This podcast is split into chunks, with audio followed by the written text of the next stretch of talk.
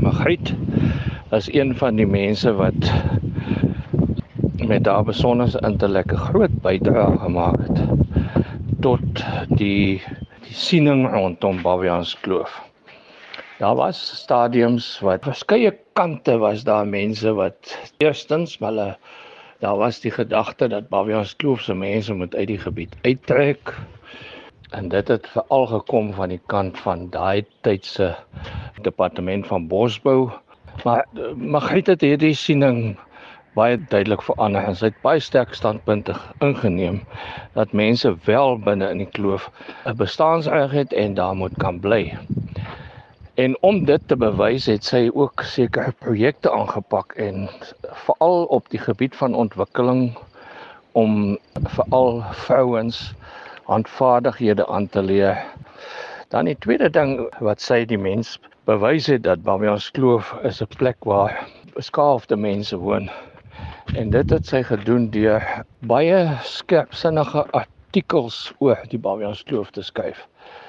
En sy was een van die eerste gebruiker. Ek onthou vir die uh, kere wat ek daar gekom het, ag baie kere daar gekom het, maar van baie van daai kere was sy die van die eerste keer wat daardie tyd se sosiale media gebruik het om die Babians Kloof bekend te stel en te bemark. Ons het altyd in die uh, van pamflette was die groot storie hoe jy 'n plek bemark. Maar sy was daai tyd vooruit. Sy het al van vroegtyd af op die internet waar ook al sy kon inkom het sy die Babians Kloof geadverteer en die goeie hoedanighede van die kloof uitgewys. En sy was ook met haar skrywes wat sy gedoen het wat in verskeie eh, publikasies verskyn het oor die kloof. Het sy ook daardeur die Babians kloof bekend gestel.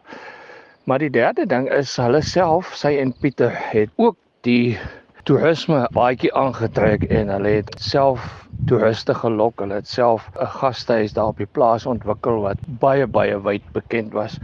Daar is 'n hele paar pioniers in die kloof ten opsigte van toerisme en toerismeprodukte maar Magriet en Pieter hulle toerismeproduk is wêreldwyd bekend. Dan aan die ander kant Pieter het altyd eintlik is die kloof nie 'n plek waar mense moet boer nie, jy moet hom eers herstel en jy moet hom na sy natuurlike staat toe bring en Magriet het hom 100% daaraan gesteun en Magriet het hom 100% ondersteun in wat hy op die ou end gedoen het deurdat hy volledig oorgeskakel het na toerisme toe en 'n sekere deel van sy plaas ook afgesit het vir 'n landingsstrook wat dit vir uh, vliegtye moontlik gemaak het om die kloof te besoek. So jy kan Pieter en, en Magriet nie heeltemal van mekaar skei nie, soos Piet altyd vir my gesê het, Piet en Griet.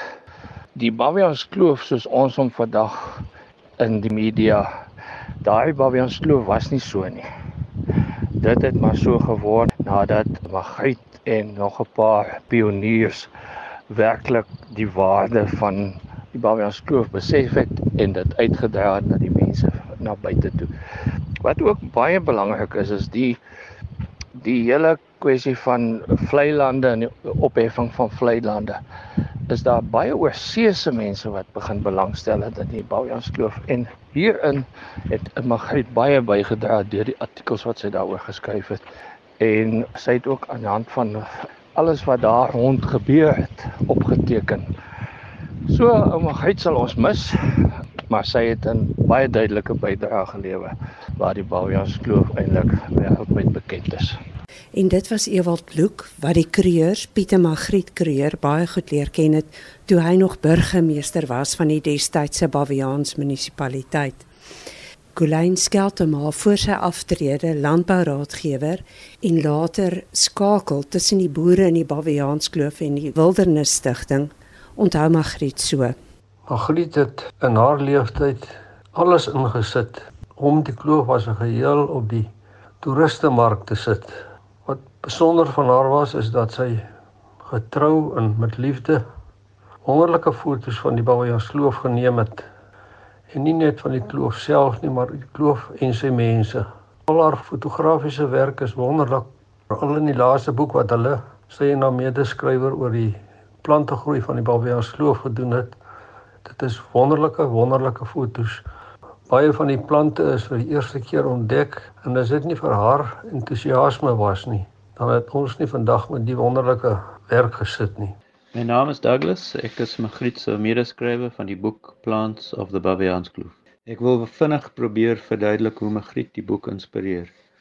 Daar is 'n verskynsel met wetenskaplikes genoem valskerm wetenskap of parachute science, ook geweet as koloniale wetenskap. Dit is die proses van hoe mense van ryk lande inkom na arm lande, doen navorsing en dan verlaat sonder om die mense of die gemeenskap wat daar lewe te erken of die inligting wat hulle versamel terug te gee. Om dit saggies te sê, griet en valskerm wetenskap het nie lekker saamgesit nie. So toe ek in in 'n klomp Amerikaanse geleerdes en studente gaste op Sandvlakte was in 2011 om navorsing te doen oor die plante groei, het Griet haar potjie voor ons neergesit. Sy het dit baie duidelik gestel dat sy wil weet presies hoe ons die inligting wat ons versamel gaan teruggee. Op die tyd was hy besig om 'n katalogus van veldblomme foto's op te bou.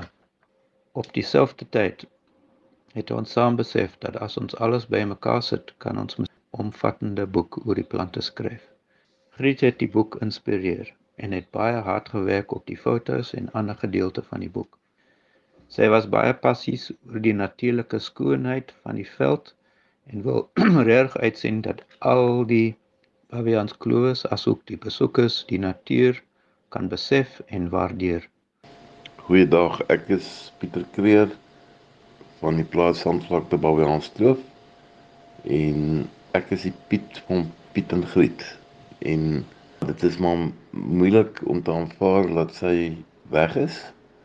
Maar dis met goeie herinneringe wat ek terugdink aan haar Uh, ons het mekaar ontmoet in 1973 in Pretoria toe ons saam gestudeer het.